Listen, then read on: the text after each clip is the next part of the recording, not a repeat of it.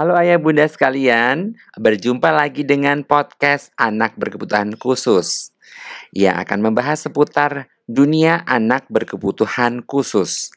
Baik itu diagnosa, tata laksana, terapi, pola asuh, dan bahkan pendidikannya. Langsung saja kita simak. Nah, di episode kali ini akan membahas tentang aktif versus hiperaktif kenali cirinya, dan cari tahu bagaimana cara menanganinya. Dengan narasumber, um, seperti biasa di hari Jumat kita akan berbincang-bincang dengan Mbak Maria Wirastari, empati psikolog, seorang psikolog pendidikan anak dan remaja. Nah, um, kita akan lihat apakah Mbak Maria sudah um, masuk. Oke, kita tunggu. Hmm, Mbak Maria sudah masuk. Jadi kita akan bahas tema ini aktif versus hiperaktif. Halo Mbak Maria. Halo Pak, selamat malam. Malam, apa kabar? Baik, selamat malam parents semua, ayah bunda yeah. di mana pun berada. Oke, Mbak Maria langsung saja karena sudah jam 19.02 gitu ya. Oke, Mbak Maria, banyak nih uh, eh, IG yang masuk yang meminta untuk membahas tentang anak hiperaktif. Nah, ya. kalau kita kalau kita ngomong bicarakan tentang hiperaktif, berarti kita akan ngomongin tentang ADHD. Nah, iya. kriteria kriteria diagnosa ADHD di uh, uh, yang digunakan di Indonesia itu seperti apa sih, Mbak Maria? Oke, okay. nah ya. sebelumnya kita jelasin dulu ADHD itu kan singkatan ya Pak ya, Attention ya, Deficit and Hyperactivity Disorder. Kalau di bahasa ya. Indonesia itu ganggu, gangguan pemusatan perhatian dan hiperaktivitas. Jadi sebetulnya ada dua hal yang penting, ada uh, gangguan pemusatan perhatian dan ada hiperaktivitas. Jadi harus dua-duanya nih ya Pak ya munculnya gitu. Nah, um, tapi ada juga yang misalkan lebih dominan inatensinya atau masalah uh, sulit konsentrasinya, ada yang lebih uh, dominan di hiperaktivitasnya. Nah, yeah. kalau untuk diagnosanya sebetulnya kita tuh pakai acuan dari buku yang tebal banget itu loh Pak, yang namanya DSM 5 ya. Iya, nah itu baik. Ada di belakang saya ini. Iya.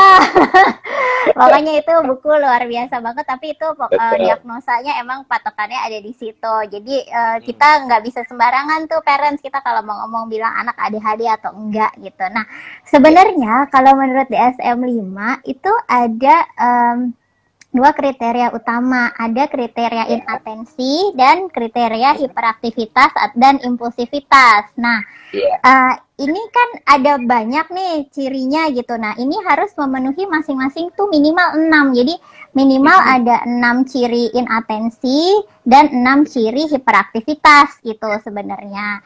Nah, kalau misalkan kurang dari 6 kita belum bisa bilang dia ADHD ya, Pak ya.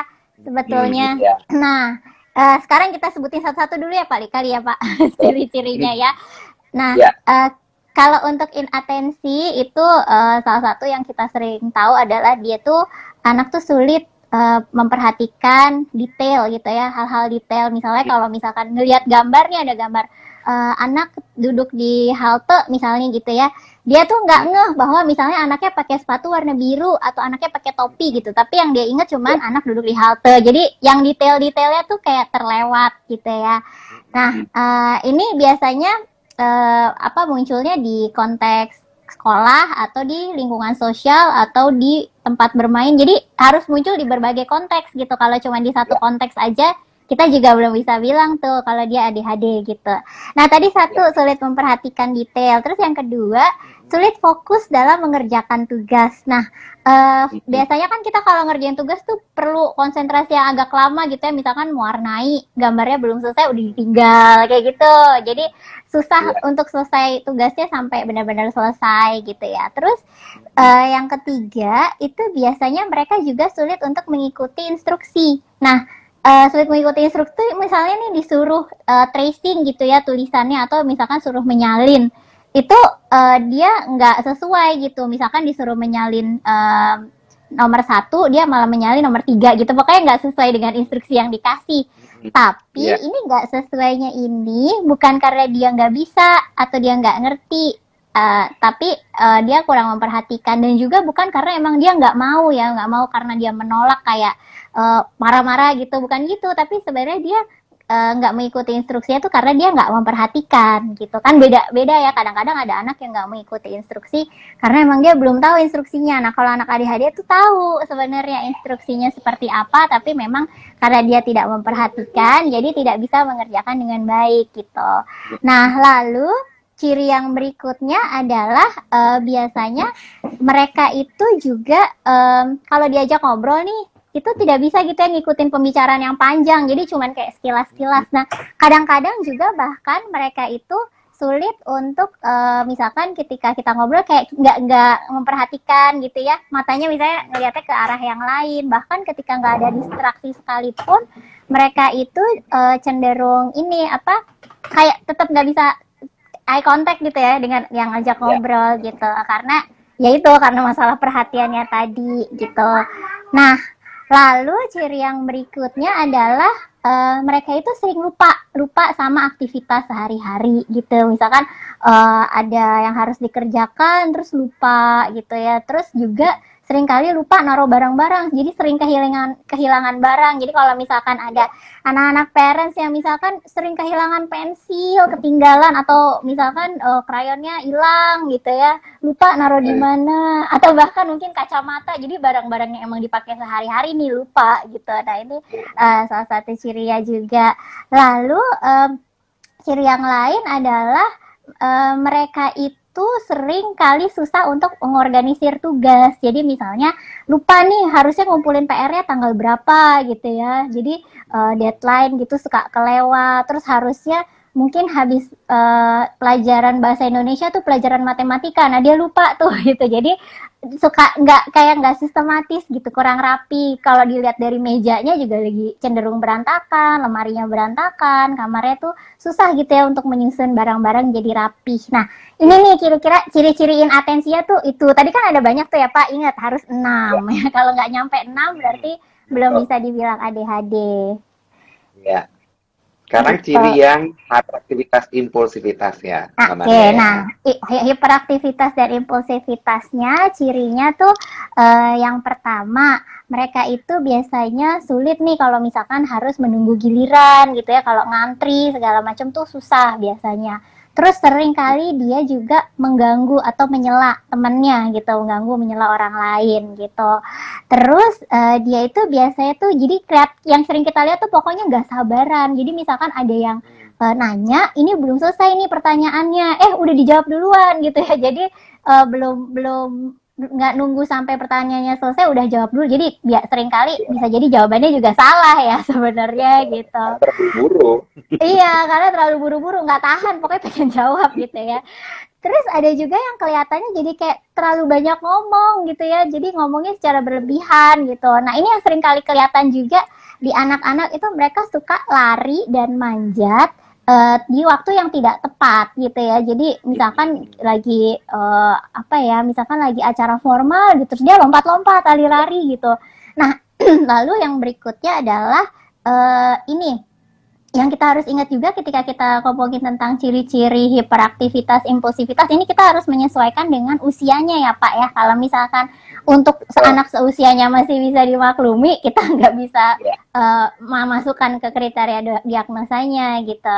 Nah, ya, terus yang betul. yang sering kali tampak juga mereka tuh kelihatan gelisah. Kelihatan gelisah tuh misalkan uh, tangannya diketuk-ketukan ke meja atau menghentak-hentakan kaki gitu ya. Jadi kayak nggak tenang hmm. gitu. Nah ini sering kelihatan juga. Lalu yang kelihatan sering kelihatan juga mungkin di sekolah nih terutama itu mereka suka jalan-jalan. Kayaknya nggak bisa gitu duduk diam di tempat duduk gitu ya. Jadi sering beranjak dari tempat duduk atau dia tetap duduk nih tapi duduknya nggak tenang. Jadi kayak kita naik motor ngeng gitu ya maju gitu goyang-goyang ke kiri ke kanan kayak gitu ya. Jadi intinya dia kalau suruh duduk uh, untuk jangka waktu yang panjang tuh dia agak sulit. Nah, kalau di konteks permainan ini juga padahal main loh gitu atau kegiatan yang menyenangkan, tapi dia juga sulit gitu untuk bisa mengikuti dengan tenang gitu. Kayaknya pengen buru-buru aja gitu ya. Jadi uh, emang susah banget gitu untuk tenang gitu. Nah, ini ciri-cirinya yang uh, hiperaktivitas dan impulsivitas. Tapi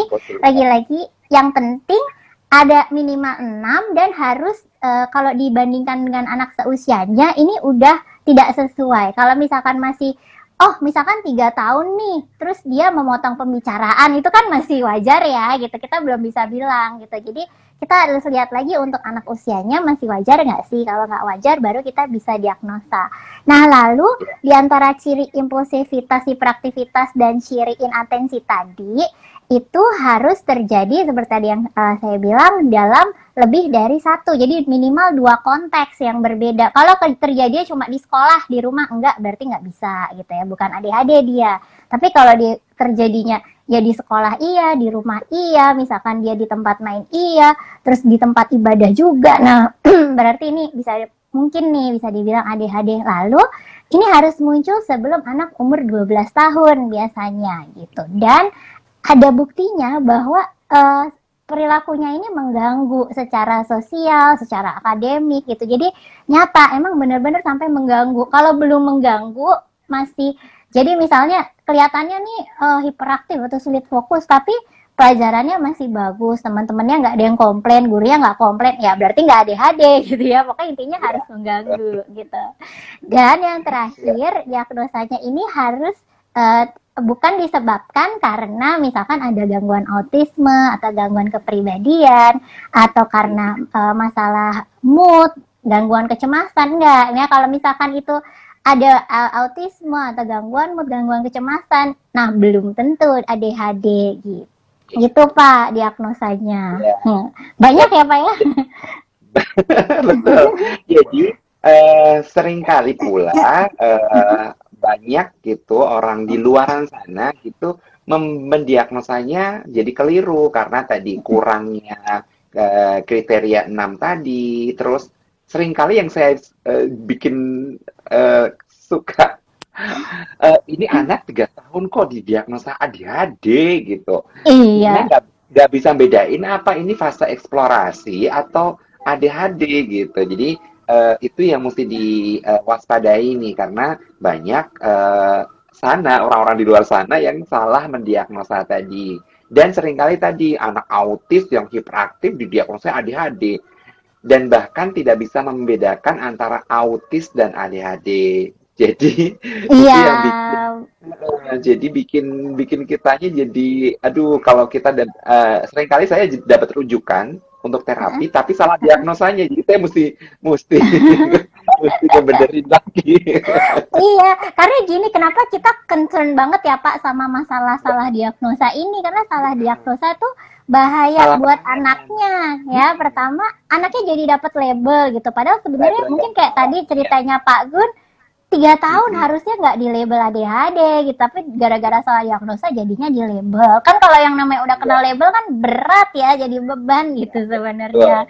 Uh, uh, nah terus diagnosa yang salah bisa lari ke penanganan yang salah gitu. Jadi emang harus harus hati-hati banget deh yang namanya diagnosa. Mungkin kalau untuk parents yang segitu uh, telitinya mungkin boleh loh nggak apa-apa kalau ragu-ragu didiagnosa sama satu pakar gitu satu ahli terus enggak ah kayaknya ragu-ragu terus nyari second opinion third opinion tuh sebenarnya nggak apa-apa gitu ya. Karena yeah.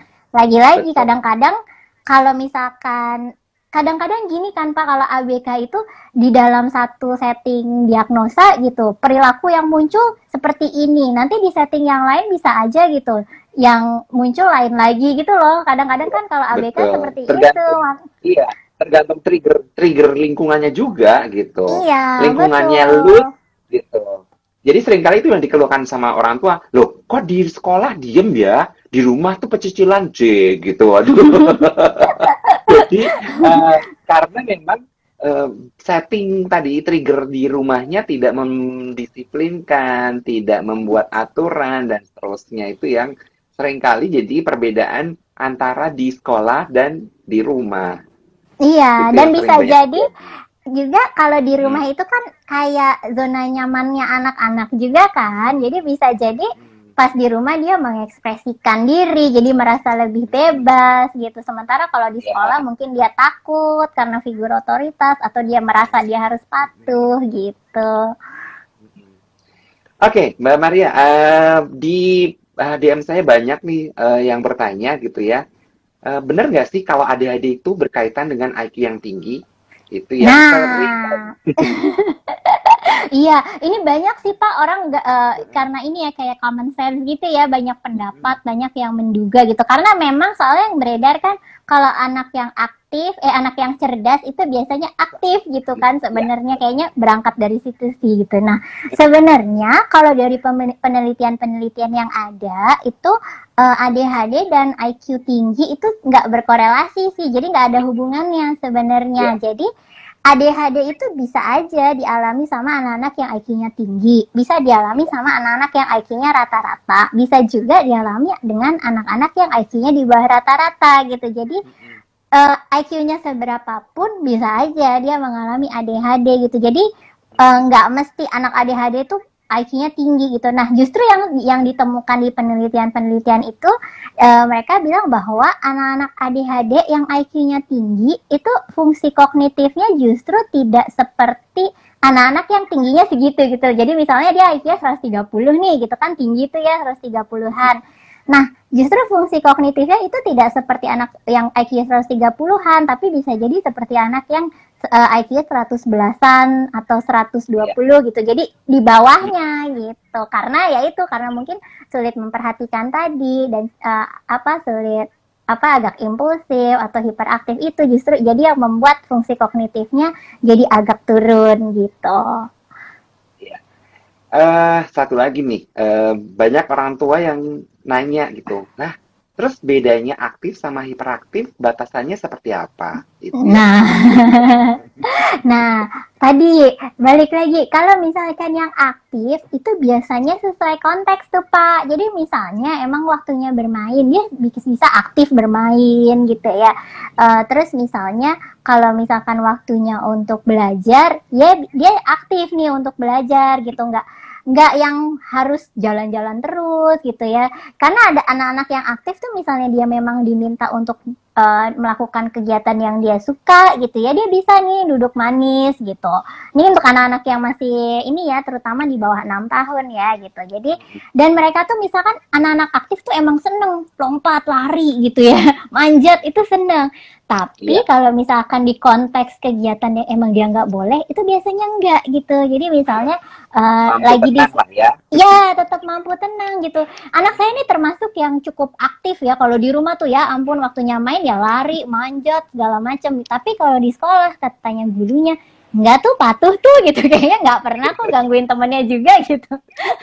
Itu anak-anak yang, tapi giliran waktunya emang di playground ya udah dia lari banget dia gitu, aktif Mhm. sekali gitu. Jadi eh, kita perhatikan konteksnya dulu gitu. Seben- Sebenarnya masih sesuai konteks nggak sih?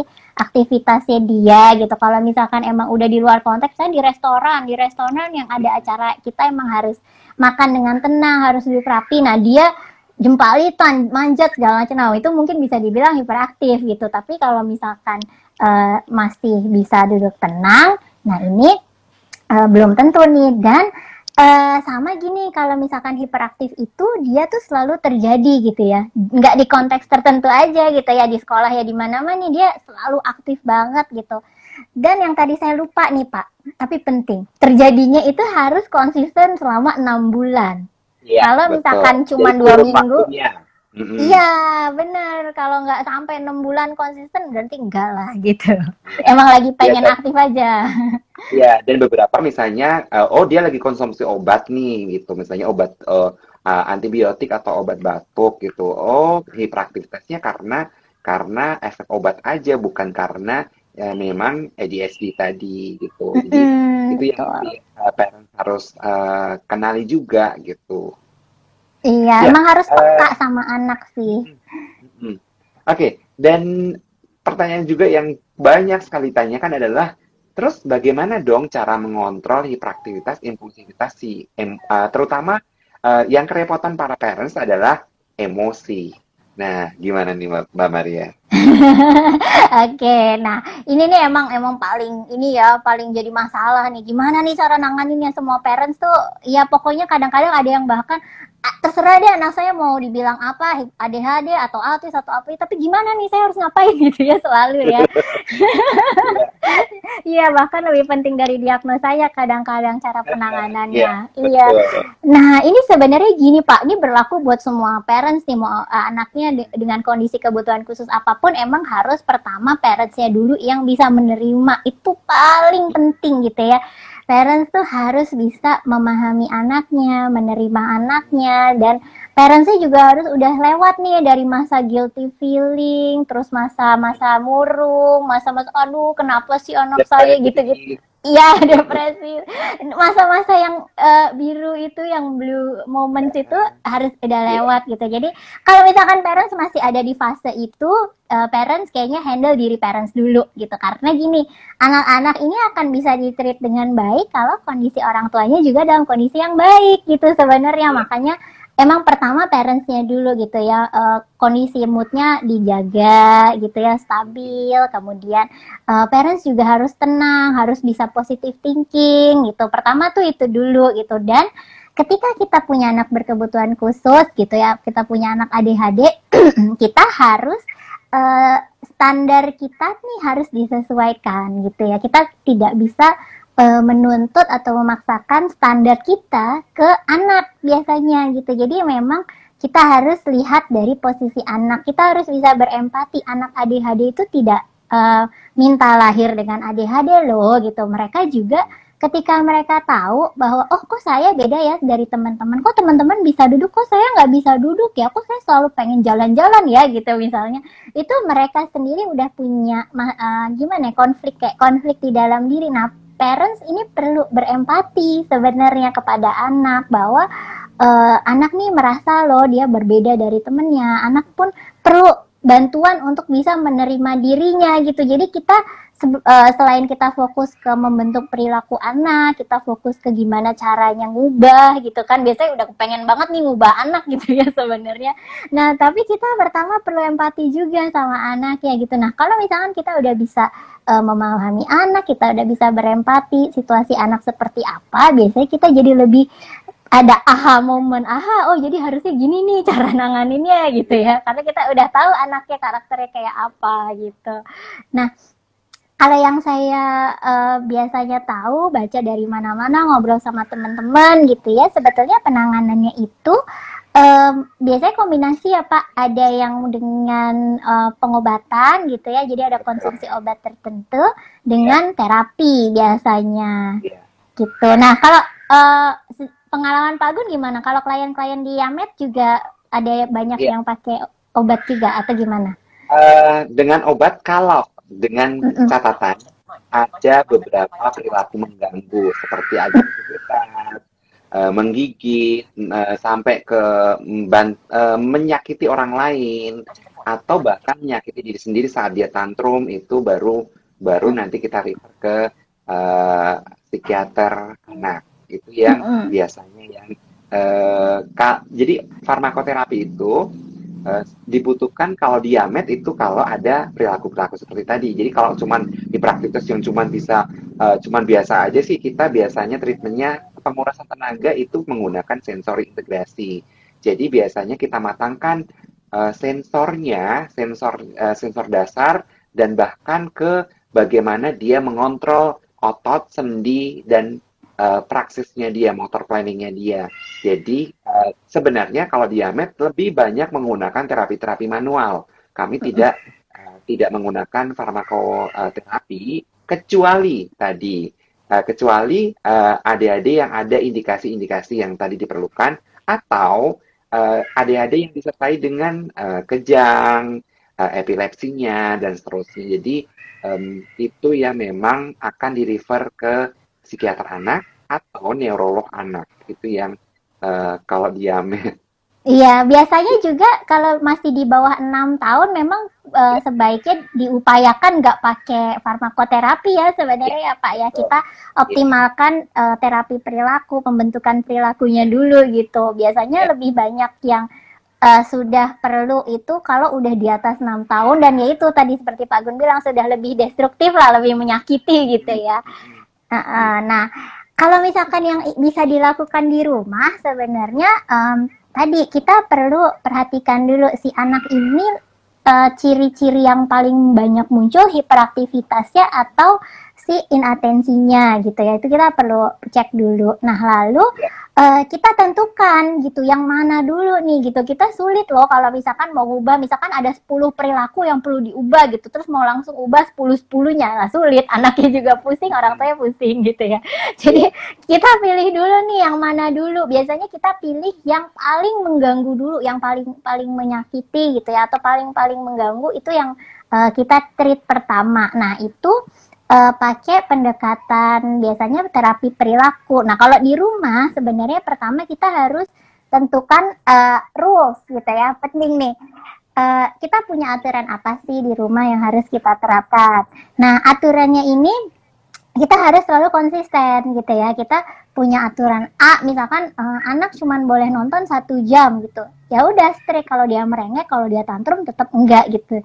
Kalau sampai kita sekali sekalinya kita kendor, oh ya udah deh, uh, karena dia marah kasih deh gitu ya. Ya ini susah nih gitu ya kalau membentuk perilaku tuh satu kinya harus konsisten gitu.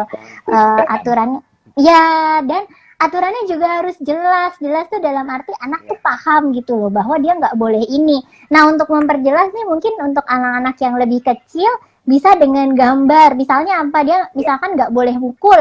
Kita tempel gambar anak lagi mukul terus kita kasih tanda silang merah no gitu ya. Nah itu kan menegaskan bahwa oh kamu nggak boleh melakukan ini gitu. Nah lalu eh, biasanya sih yang lebih lebih disarankan itu pakai encouragement artinya ketika dia melakukan perilaku-perilaku yang baik, itu selalu diapresiasi, diingetin bahwa bagus ya kamu hari ini bisa duduk gitu.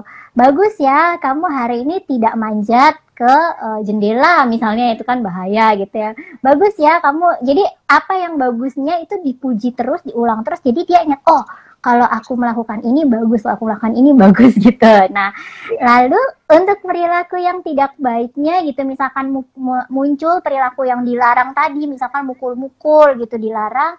Nah, itu uh, kita kasih konsekuensi gitu ya. Jadi hukumannya tuh biasanya yang agak banyak dipakai tuh time out ya begitu dia mulai tantrum. Nah, dia dikeluarkan dari situasi yang bikin tantrum dikasih kayak uh, kesempatan untuk tenang ya istilahnya banyak yang nyebut tuh quiet moment. Jadi dipisahkan dulu dari triggernya nah dikasih kesempatan buat dia untuk menenangkan diri gitu. Karena anak-anak ADHD ini kan gampang terstimulasi gitu ya gampang gampang terdistract dengan lingkungan. Nah jadi distraksi distraksinya ini ketika itu menyebabkan perilaku dia jadi agresif, nah ini yang harus dipisahkan dulu gitu.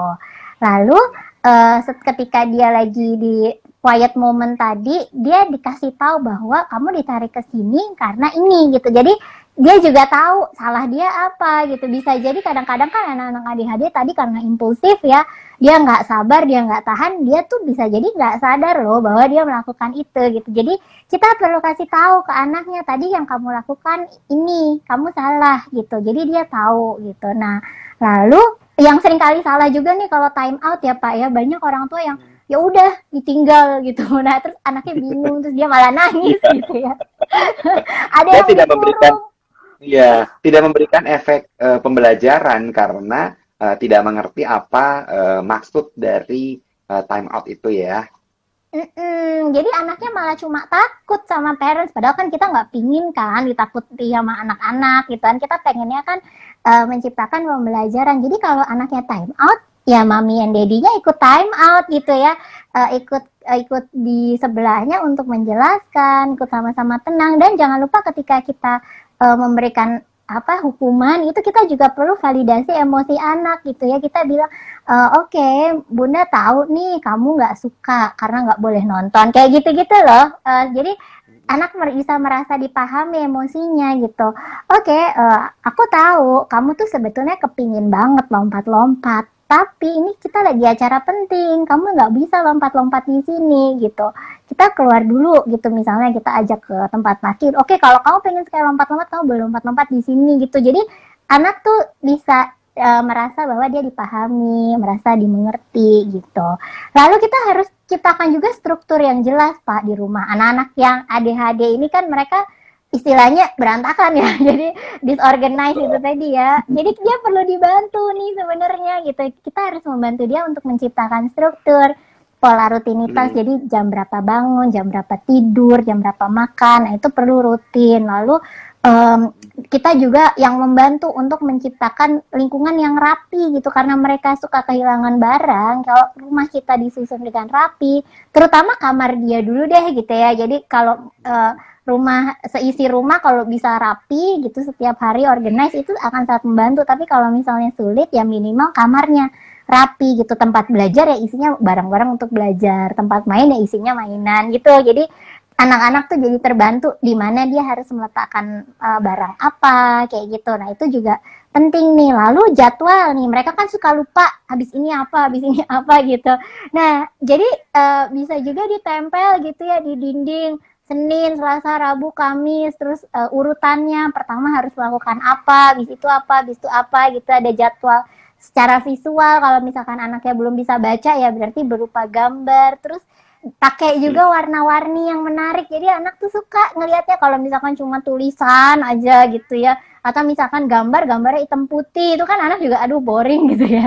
Nah kalau misalkan di, bisa dikasih warna-warni gambar-gambar yang menarik itu bisa bikin anak jadi lebih suka juga untuk nengok lagi ke jadwalnya. Kayak gitu sih. Kurang lebih yang bisa dilakukan di rumah sih itu. Dan kalau kalau saya tuh selalu bilang sama parents tuh uh, gini nih pak. Maksudnya uh, kita ketika ingin membentuk perilaku anak, kita gunakan pendekatan yang positif gitu. Kita jangan banyak yang menghukum, apalagi hukuman fisik. Aduh itu big no deh, gitu ya. Yang mengurung, cubit, pukul, aduh itu jangan gitu ya. Tapi uh, lebih ke ketika dia berhasil melakukan ya kita kasih apresiasi. Ketika dia lupa, kita ingetin lagi, ayo kamu nggak boleh loh ayo kamu nggak boleh loh gitu. Kalau misalkan yeah. lagi pergi-pergi, kita juga bisa bawa ini loh pak kartu. Jadi misalkan yeah. apa yang dia nggak boleh lakukan itu kita print gitu gambar-gambarnya di kartu. Jadi ketika dia melakukan, ayo inget nih nggak boleh gitu. Terus kita juga punya kartu bergambar yang isinya perilaku apa yang kita encourage dia untuk lakukan gitu. Itu juga bisa kita tunjukin, ayo kamu lakukan ini duduk. Kita kasih gambar dia duduk. Terus ada misalnya muka smile bahwa kalau duduk itu semua orang senyum loh sama kamu, semua orang seneng kayak gitu. Jadi gambar-gambar visual seperti itu akan sangat-sangat bisa membantu anak gitu. Dan tadi kalau untuk masalahin atensinya kita harus breakdown. Kalau dia cuma bisa fokus uh, eh, 5 menit, ya setiap aktivitas kita pecah 5 menit gitu. Kalau misalkan dia harus ngerjain tugas 5 menit kasih break terus lima menit lagi kasih break gitu. Jadi kita yang tahu harus tahu anak nih kemampuannya seberapa gitu Pak kira-kira. Mungkin Pak Agun bisa menambahkan juga dari pengalaman di tempat terapi bagaimana? Iya, oke. Okay. Jadi ayah bunda uh, sangat penting untuk membuat tadi struktur. Dan bahkan kalau di uh, kalau saya biasanya ajarkan pada orang tua itu nggak usah mahal, nggak usah perlu punya rak yang bagus, pakai kerdus-kerdus yang bekas-bekas uh, mineral water itu itu dikasih label di depannya. Misalnya gambar mobil berarti kalau habis main mobil-mobilan ya harus dimasukkan ke ke kardus itu tadi gitu. Nanti disusun aja ke atas tuh gitu. Jadi dirapikan dengan baik dan jangan lupa kalau beli tasnya anak tasnya itu punya lobus-lobus yang jelas jadi misalnya uh, saya contohkan ini saya akan ambil tas gitu ya Nih, jadi kalau beli tas itu tasnya jelas nih. Tas yang di sini adalah tempat buku cetak. Tas yang di yang di lobus lobus itu adalah bagian-bagiannya nih. Bagian sini adalah untuk uh, tempat uh, peralatan alat tulis misalnya penggaris, pensil dan waktu membelikan tempat pensil anak itu kalau bisa terlihat transparan. Jadi tempat pensilnya itu transparan, terlihat di dalamnya isinya apa aja. Dan di tempat pensilnya sudah ditulisin, bolpennya ada berapa, pensilnya ada berapa, tip X-nya ada berapa, ada enggak gitu. Kalau perlu diceklisin. Jadi, uh, nih, jadi tempat pensilnya seperti ini, terlihat dalamnya isinya apa aja, dan dikasih dikasih list di dalamnya apa aja. Dan biasanya si pensilnya harus dikasih label. Namanya misalnya Andi gitu. Jadi pensilnya dilabelin. Termasuk uh, um, spidol, bolpen, penghapus. Nah, penghapus kan bisa ditulisin tuh di di penghapusnya. Ditulisin kasih inisial aja kalau misalnya Andi terlalu uh, panjang dikasih tulisan A, A, A gitu. Jadi itu akan membantu anak untuk uh, selalu dan diingatkan kalau pulang sekolah misalnya atau habis belajar itu selalu menempatkan si pensil itu ke tempat pensilnya dan bahkan kalau selesai belajar harus ngecek di di uh, dicek um, isinya apa aja tempat pensil itu gitu. Itu yang uh, harus dibantu supaya anak adik-adiknya terstruktur dengan baik gitu. Iya. Dan waktu ternyata sudah masuk ke segmen kedua nih Mbak Maria. Cepet ya. dan iya dan pertanyaan udah banyak banget nih ngantri nih. Saya akan trek ke atas nih. Oke, kita akan trek ke atas untuk pertanyaan dan udah banyak banget nih pertanyaan yang yang masuk.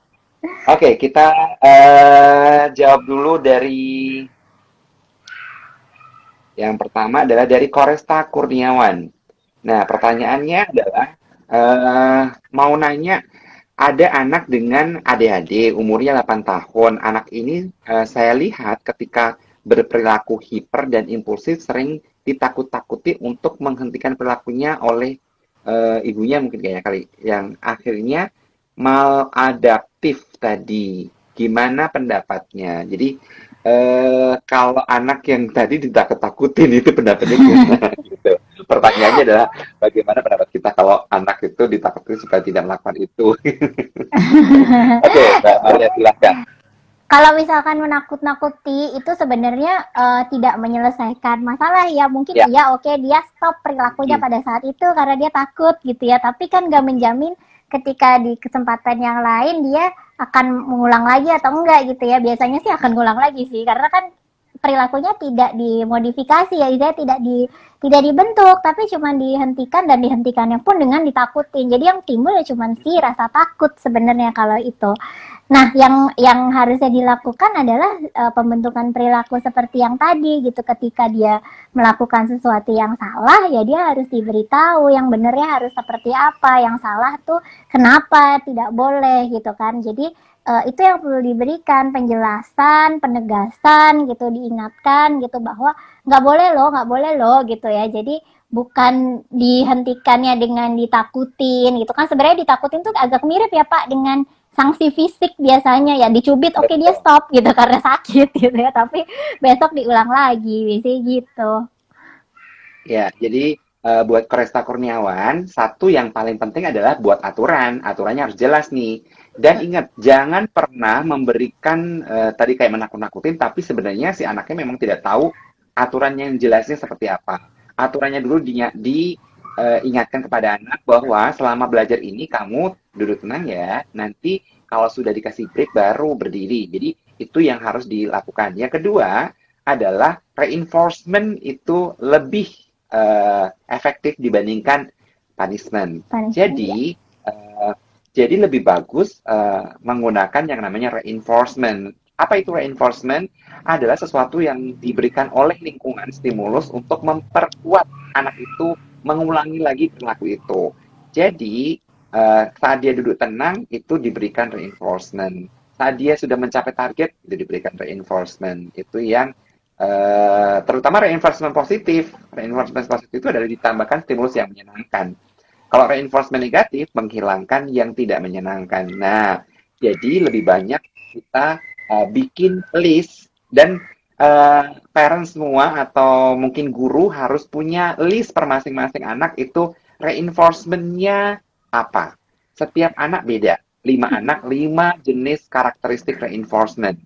Dan uh, reinforcementnya harus punya list, punya data gitu. Karena kenapa? Karena uh, reinforcement uh, yang sudah dipakai itu untuk kedua kalinya tidak boleh dipakai lagi. Boleh diselang dengan yang reinforcement yang lain dan baru akan boleh digunakan lagi di ketiga atau keempat atau berikutnya. Kenapa? Karena supaya tidak tertebak oleh anak reinforcementnya. Semakin reinforcementnya itu bikin penasaran anak, semakin bagus.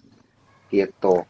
Dan reinforcement satu, misalnya contoh uh, roti, misalnya gitu roti itu di di anak yang sama belum tentu mempan karena kenapa oh ternyata tadi habis makan siang gitu jadi reinforcement itu akan bagus kalau momennya tepat. Momennya memang berhubungan dengan hal tersebut. Misalnya memang dalam keadaan memang tadi tuh snack time-nya jam 10 sedangkan ini sudah mau mau makan siang gitu. Nah reinforcement-nya makanan akan sangat bagus sekali gitu. Tapi makanan belum tentu bagus saat dia setelah makan siang gitu. Itu yang nanti harus dilakukan nih Korista Kurniawan oke kita masuk ke pertanyaan berikutnya nih Mbak Mbak Maria dari uh, Levana underscore Rismayanti. An anak laki-laki saya umur 3 tahun diperiksakan ke klinik Yamet Kabupaten Cirebon dengan keluhan belum bisa berbicara. Kemudian di um, uh, anak saya uh, dia apa psikolog anak saya tidak fokus dan terlambat berbicara. Apakah anak saya termasuk adik-adik? Ini ingat nih Bu, ini tiga tahun berarti di Yamet pun tidak mungkin didiagnosa ADHD ini. iya benar. Ini ini mungkin uh, Bu Levana apakah belum pernah ke, belum uh, belum ketemu dengan saya ya gitu. Uh, karena gini nih, ini anaknya tiga tahun diperiksakan ke Yamet uh, Yamet Kabupaten Cirebon dengan keluhan tidak bisa berbicara kemudian psikolog bilang anak saya tidak fokus dan terlambat berbicara. Diagnosanya itu speech delay bukan ADHD. Hmm. Kalau diamet pasti diagnosanya adalah speech delay. Et causing bisa karena uh, memang anaknya tidak tidak mampu fokus dan seterusnya. Dan pertanyaannya adalah apakah anak saya termasuk ADHD atau ataukah autisme? Ya enggak. Enggak. Ya enggak. silakan silakan di, dijawab Mbak Maria. ya, ADHD atau autisme kemungkinan kemungkinan enggak sih ya kalau udah diagnosanya tadi terlambat bicara dan speech delay, uh, ya. speech delay dan sulit konsentrasi. Jadi mungkin uh, untuk bisa jadi ya kalau untuk anak tiga tahun ini kan sebenarnya masih usia perkembangan ya. Jadi masih masa-masa dia untuk belajar konsentrasi gitu. Jadi kalau misalnya dia dibilang sulit konsentrasi nggak kita buru-buru bilang oh jangan-jangan dia ADHD nggak gitu. Tapi kita iya. oh, oke oke. Okay, jadi dia sulit konsentrasi nih. Kita harus ngajarin apa ya biar dia bisa konsentrasi gitu loh. Jadi mungkin kalau untuk anak tiga tahun kan konsentrasi udah bisa tiga menit. Nah mungkin si anak ini baru bisa satu menit. Nah jadi dibilang bilang oh masih belum sesuai nih sama umurnya harusnya dia udah bisa tiga menit dia baru satu menit nah kita latih supaya uh, dalam waktu dekat dia akan bisa konsentrasi selama tiga menit gitu nah kalau untuk ADHD tadi kan uh, udah disebutin tuh kriteria diagnosanya. Mungkin kalau misalkan uh, Bunda tadi kelewat, nanti bisa diulang lagi ya di GTV dan di YouTube kita gitu ya. Ciri-cirinya apa aja gitu. Nah, kalau untuk autisme itu kan sebenarnya gangguan um, ini apa namanya sosial interaksi sosial dan gangguan emosi gitu ya. Jadi uh, biasanya sih kenapa anak-anak yang speech delay itu sering kali dikira autis gitu ya karena mungkin dia sulit berinteraksi dengan lingkungan karena belum bisa ngomong gitu sebenarnya bukan karena emang dia punya gangguan itu gitu. Jadi sebetulnya uh, kemungkinannya sih kayaknya enggak ya, uh, enggak autis iya. juga yeah. gitu sebetulnya. Dan di Anetnya sudah didiagnosa speech delay. Kalau speech delay berarti ya bukan ADHD dan bukan autis. iya, karena kalau autis nggak akan dibilang speech delay ya, Pak ya, ya autis gitu dibilangnya. Iya. Oke, okay, kita lewatkan. Uh, pertanyaan dari Ibu Eni Purwa uh, Purwitasari, pada anak usia berapakah anak dikatakan ADHD? Karena anak anak teman saya di KBB sudah didiagnosa sebagai ADHD. Uh, eh, KBB itu TK. Selama bermain, selama bermain. Berarti masih di sekitar uh, range usia, usia tiga tahun lah, tiga tahun empat tahun itu tadi itu. Oke. Okay. bermain. Di umur berapa biasanya sih paling paling valid, paling kita share itu kalau udah tujuh tahun ke atas ya biasanya gitu. Kalau dulu mungkin uh, banyak yang lima tahun gitu udah cukup yakin, tapi seiring uh, penelitian-penelitian terbaru, terus diskusi ilmiah di mana-mana gitu ya, jadinya uh, sekarang kesepakatannya di usia tujuh biasanya gitu. Tapi gejalanya atau ciri-cirinya bisa aja sih. Uh, uh, tampak dari anak umur 3 tahun gitu bisa bisa tampak tapi belum bisa nih kita diagnosa gitu ya sebenarnya yeah. karena balik lagi umur 3 tahun, 4 tahun, 5 tahun ini masih usia belajar, masih masa-masa belajar kayak tadi saya kasih contoh anak 5 tahun misalnya jalan-jalan di kelas gitu. Masih oke okay nggak sih? Ya masih nggak apa-apa gitu kan anak-anak 5 tahun jalan-jalan di kelas gitu. Masalahnya ketika dia jalan-jalan di kelas itu tiap hari enggak gitu gangguin temennya enggak kalau cuman karena dia jalan-jalan karena bosen gurunya maksa anaknya harus duduk setengah jam. Ya nggak bisa gitu kan kalau umur lima tahun gitu sebenarnya ya jadi uh, para ayah bunda ya harus tahu nih bahwa uh, tadi fase-fase fase tiga tahun adalah fase eksplorasi ya Mbak Mbak, Mbak Maria. Jadi uh, membedakan antara ya, ini hiperaktif atau fasenya dia fasenya dia memang bereksplorasi gitu. Oke, okay, ya, kita lanjut ke pertanyaan berikutnya Mbak Maria dari uh, Yours uh, underscore Rainbowland. Jason 5 tahun, terapi saat usia 2 sampai 4 tahun. Saat ini uh, perke, perkelasan sudah bisa mengikuti. Oh, maksudnya kegiatan di kelas sudah bisa mengikuti. Namun, emosinya suka meledak dan mudah frustrasi. Tidak peduli di sekolah, gereja, dan lain-lain. Apakah yang harus saya lakukan? Ini berarti anaknya uh, sudah pernah terapi di usia 4 sampai 5 tapi eh, 2 sampai 4 tapi 5 tahun si Jason ini dan uh, masalah sekarang adalah problem emosi Gitu. Silakan Mbak Maria. Oke, nah ini pertama uh, mungkin uh, orang tuanya terutama harus perhatikan dulu dia emosinya ketika kapan gitu. Nah ini penting nih, emang kita harus assessment kan awal-awal. Ya, emosi betul. yang meledak-ledak atau emosi yang uh, intens banget itu terjadinya kapan, kenapa gitu. Nah itu kita cari tahu dulu gitu. Karena bisa aja dia uh, emosi itu muncul ketika dia tidak nyaman misalnya dia mungkin anaknya sulit adaptasi terus nggak dikasih tahu gitu habis ini kita mau ngapain. Nah dia kan gelisah jadinya jadilah marah-marah atau misalkan uh, tantrum kayak gitu. Jadi kita yang harus perhatikan gitu. Atau misalnya dia uh, emosinya terjadi karena dia ngantuk bisa jadi gitu kan. Ada kan orang tua yang kadang-kadang tidak peka gitu anaknya disangkanya uh, masalah gangguan emosi padahal dia muncul tantrum dan emosi karena memang dia lelah, dia ngantuk tapi dia masih harus mengerjakan A, B, C, harus melakukan ini itu gitu ya. Jadi pertama itu kita harus cari tahu dulu emosinya munculnya kapan gitu dan uh, emosi itu biasanya uh, kita dengan kita memahami dan kita berempati pada anak gitu ya. Yang sering kali kejadian kan ketika anaknya marah orang tuanya ikut marah gitu ya. Jadi jadi anaknya lagi ngamuk, orang tuanya kan karena aduh dia berisik nih di gereja atau dia berisik nih di tempat umum di market gitu ya, misalnya uh, guling-guling marah-marah gitu. Emo, orang tuanya nggak tenang. Nah, itu yang yang biasanya sulit gitu. Jadi ketika yeah. anak punya emosi yang intens, kita justru harus uh, punya emosi yang lebih tenang, yang lebih stabil gitu ya. Karena anak itu kan juga memodel kita gitu ya. Ketika dia emosinya naik, tapi kita tenang dia akan pelan-pelan bisa turun gitu. Tapi kalau dia emosinya naik kitanya juga naik nah udah nggak selesai selesai jadinya gitu ya. Jadi uh, iya makin parah. Itu sama kayak kalau kita sama sama pasangan gitu sama suami atau istri. Kalau kita lagi marah-marah kan kita nggak pengen ya balik dimarahin gitu ya sebenarnya. Kita kan pengennya ketika kita lagi marah-marah sih pasangan kita tuh merespon dengan lebih tenang, lebih menyenangkan gitu. Nah ini anak juga sama kayak gitu. Kalau dianya lagi emosinya naik, lagi marah-marah, kita yang lebih tenang. Jadi kita berempati, kita memvalidasi emosinya anak gitu. Oh, uh, kamu sekarang marah ya gitu. Oh, kamu marah, coba aku tebak. Kamu marah karena uh, di sini terlalu berisik gitu. Misalnya kita gitu bener nggak? gitu. Atau kamu marah kenapa ya kira-kira? gitu. Dan kita bisa juga negosiasi apa ya yang bisa uh, mami lakukan supaya kamu nggak marah? gitu. Jadi ditenangkan. Bisa juga kalau si anak-anak tuh biasa suka banget dipeluk. Kalau emosinya lagi intens banget itu kalau misalkan dipeluk ditenangkan gitu.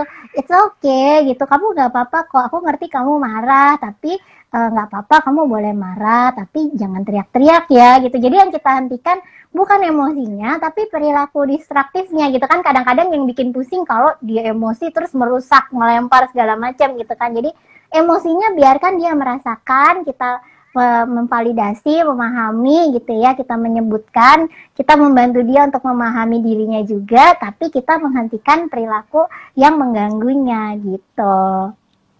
Ya, oke. Okay. itu uh, buat Bu Celiors underscore Rainbow Land. Nah, uh, pertanyaan berikutnya adalah dari hmm, Indi, Indria Setiadi. Berapa lamakah eye contact anak yang dapat dikategorikan bahwa anak itu sudah fokus, Mbak Maria? Silahkan. Oke, nah ini tergantung usia lagi ya. Jadi sebenarnya Iya, eh, beda. eye contact itu sama dengan kalau dia kita bisa eh, me- bisa juga mengikuti dengan usia apa ya namanya eh, perkembangan kemampuan atensi gitu ya. Jadi attention span. Ya kita bisa pakai patokan itu. Ya. Nah, minggu lalu kita udah bahas ya Pak ya di GLF kita tentang attention Jadi- span nih per umur.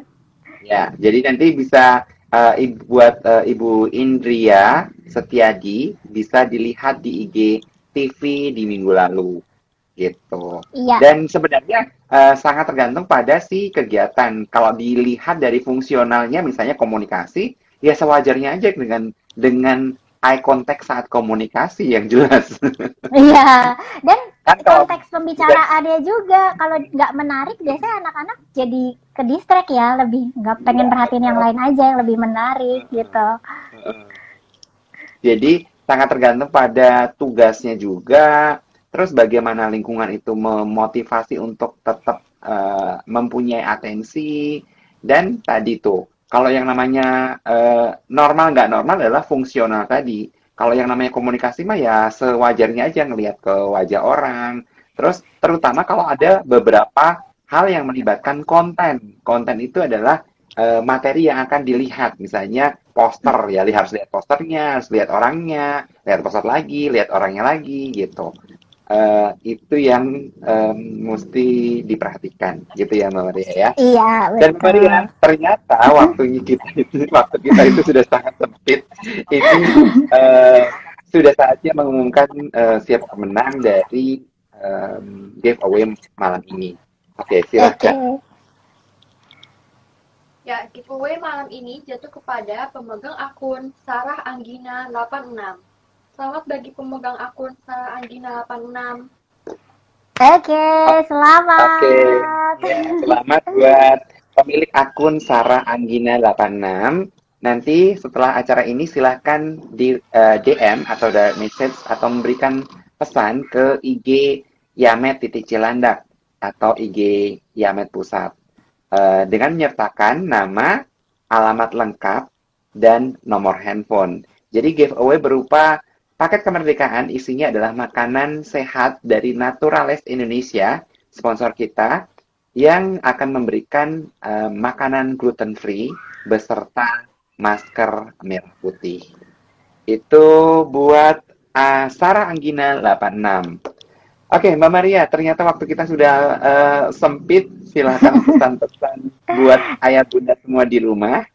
Oke, nah jadi eh, kita sudah bahas tadi ya tentang kriterianya di- bisa dibilang ADHD atau bukan, lalu bagaimana yang eh, cara-cara menanganinya. Jadi untuk eh, parents, untuk ayah bunda semua, hati-hati ketika kita mau eh, menyebut gitu bahwa anak kita ADHD atau enggak, harus memenuhi kriteria-kriteria dulu. Jangan sampai kita men- eh, melabel padahal sebenarnya enggak gitu. Dan buat para parents yang ternyata memang anaknya sudah ditemukan bahwa dia ADHD, dia hiperaktif, dia inatensi, pertama parents harus eh, berempati, memahami anak, lalu baru kita berusaha untuk membentuk perilaku anak satu demi satu gitu. Jadi dan parents jangan lupa untuk juga selalu menjaga kesehatan mental ya, menjaga mood parents sendiri gitu supaya ketika kita menghadapi anak kita ada dalam keadaan mood yang baik gitu. Iya. Jangan lupa untuk mantau IG dan YouTube kita karena di situlah Iya. banyak update-update tentang anak-anak berkebutuhan khusus ya Pak ya. Betul. Oke, Mbak Maria, terima kasih waktunya em, Jumat ini, malam ini gitu ya. Nanti Iya. kita akan eh, live lagi minggu depan di Jumat hari depan. Dan jangan lupa, Pak eh, Ayah Bunda, eh, selalu eh, ikuti IG kita. Jadi kalau Mbak Maria adalah Maria underscore special kid dan YouTube-nya Mbak Maria Maria Special Kid dan eh, Mbak Maria kita ada podcast ternyata. Jadi acara ini kita bikinkan dalam bentuk audio. Jadi bagi ayah bunda bisa dengerin di Spotify, bisa dengerin sambil di mobil, sambil nyetir, sambil masak dalam bentuk audio. Jadi ikutin podcast kita anak berkebutuhan khusus. Oke, terima kasih Mbak Maria. Terima Atas kasih waktunya. juga Pak Gun. Terima kasih ayah bunda semua yang sudah mendengarkan podcast anak berkebutuhan khusus. Dengarkan terus seri lainnya dan sampai jumpa.